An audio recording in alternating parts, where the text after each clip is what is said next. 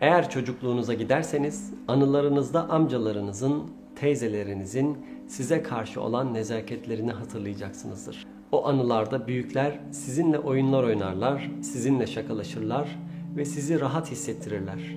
Çocukların bu tip şeyleri fark edebilme gücü vardır. Onlar nezaketi veya kendilerinin istenmediğini çok kolayca anlarlar.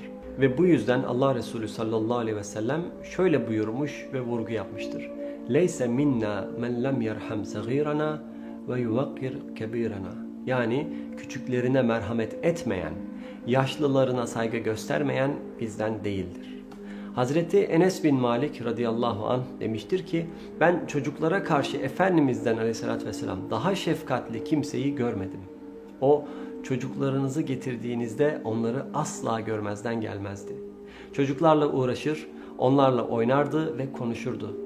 Onun bu şefkati çocukların Efendimizle kuvvetli bağlar kurmasına sebep olur, mescidi çocuklar için özel bir hale getirirdi.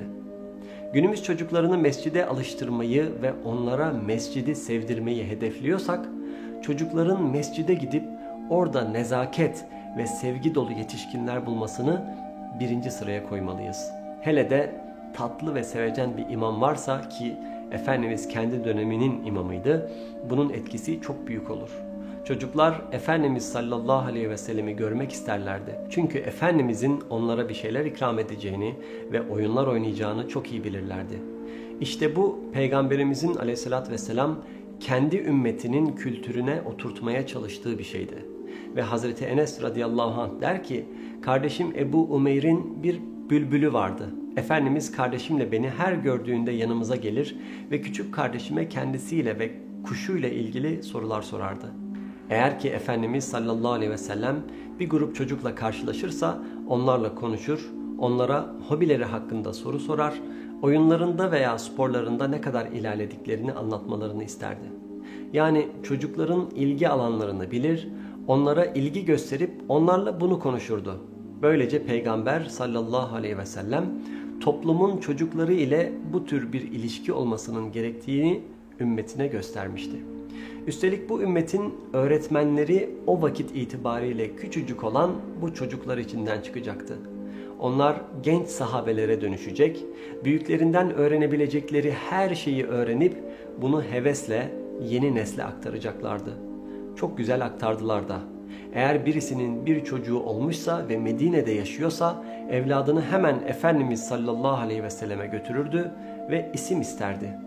Hele Efendimizin çocuğu tutup dua etmesi, ona tahnik yapması konusunda çok ısrarcı olurlar. Efendimiz'e başka seçenek bırakmayacak noktaya gelirlerdi. Tahnik yani yeni doğmuş çocuğun damağına hurma sürmekti.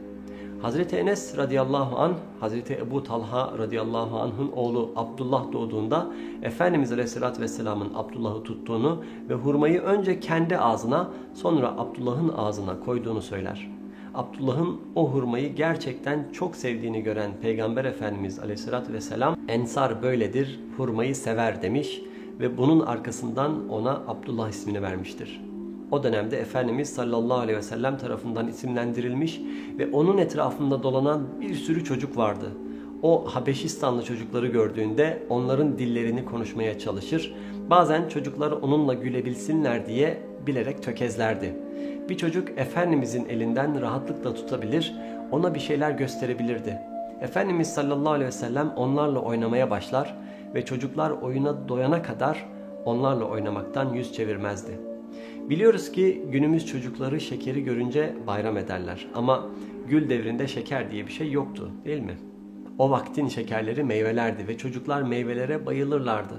Hadisler bize Medine halkının yeni meyve topladıkları zaman mutlaka Efendimiz'e ikramda bulunduklarını söyler. Allah Resulü bir meyve aldığı zaman önce o insanlara dua eder, ardından etrafı süzüp bir çocuk arardı. Bulduğu çocukları çağırır ve ona verilen meyvelerden ikram ederdi. Yani bu onun ümmetinin çocuklarına şeker ikram etme şekli gibiydi. Ümmet o tatlı meyveleri Allah Resulü'nün yemesini tercih etse de o aleyhissalatü vesselam çocuklara vermeyi alışkanlık edinmişti. Efendimiz sallallahu aleyhi ve sellem kendi çocukları ve torunlarıyla geçirdiği vakitse bambaşka bir manzaraydı. Hele torunları Hasan ve Hüseyin radıyallahu anhum ile ilişkileri çok güzeldi. Ve Efendimiz aleyhissalatü vesselam onları öylece tutup Allah'a şehadet etmekle yetinmezdi. Onları o kadar çok seviyordu ki yüksek sesle Allah'ım onları sevenleri sev der, onları kucaklar ve onları öperdi. Hazreti Fatıma radıyallahu anha Hazreti Peygamber sallallahu aleyhi ve sellemin evi ziyarete geldiği ve ufaklık nerede, ufaklıklar nerede diye seslendiği zamanları anlatır. Hazreti Hasan radıyallahu anh'ı kastederek onu bana getirin derdi. Peygamber sallallahu aleyhi ve sellem kendi cübbesini giydiğinde bütün torunlarını yani Hazreti Hasan, Hazreti Hüseyin, Hazreti Üsame bin Zeyd, Hazreti Zeynep ve Hazreti Ümame'yi cübbesinin altına alıp onları sımsıkı sarar ve dua ederdi. Bu Medine kültürünü değiştiren bir şey haline gelmişti. Bir zamanlar Efendimiz'i torunu Hüseyin'i öperken ve kucaklarken gören bir adam vardı ve şaşkınlığını şöyle dile getirdi. Ben de tam 10 tane var ve hiçbirini öpmedim. Erkek olduğu için çocuklarını öpmemesi gerektiğine inanıyordu. Efendimiz sallallahu aleyhi ve sellem de merhamet etmeyen bir adam hakkında ne yapabilirim? Merhamet etmeyene merhamet edilmez diye cevap verdi. Efendimiz sallallahu aleyhi ve sellem çocuklara gösterdiğimiz merhametin aslında bir rahmet olduğunu belirtmişti. Efendimiz sevgiden mahrum kalan çocuklara, özellikle de yetimlere çok dikkat etmiştir. Ebeveynleri olmadığı için anne veya baba sevgisinden mahrum yetimlerin elinden tutmayı emretmiştir. Müslüman evlerinin arasında en hayırlı ev, içinde yetime bakılan evdir. Müslümanların evleri arasında en kötü ev ise içinde yetime kötülük yapılan evdir demiştir.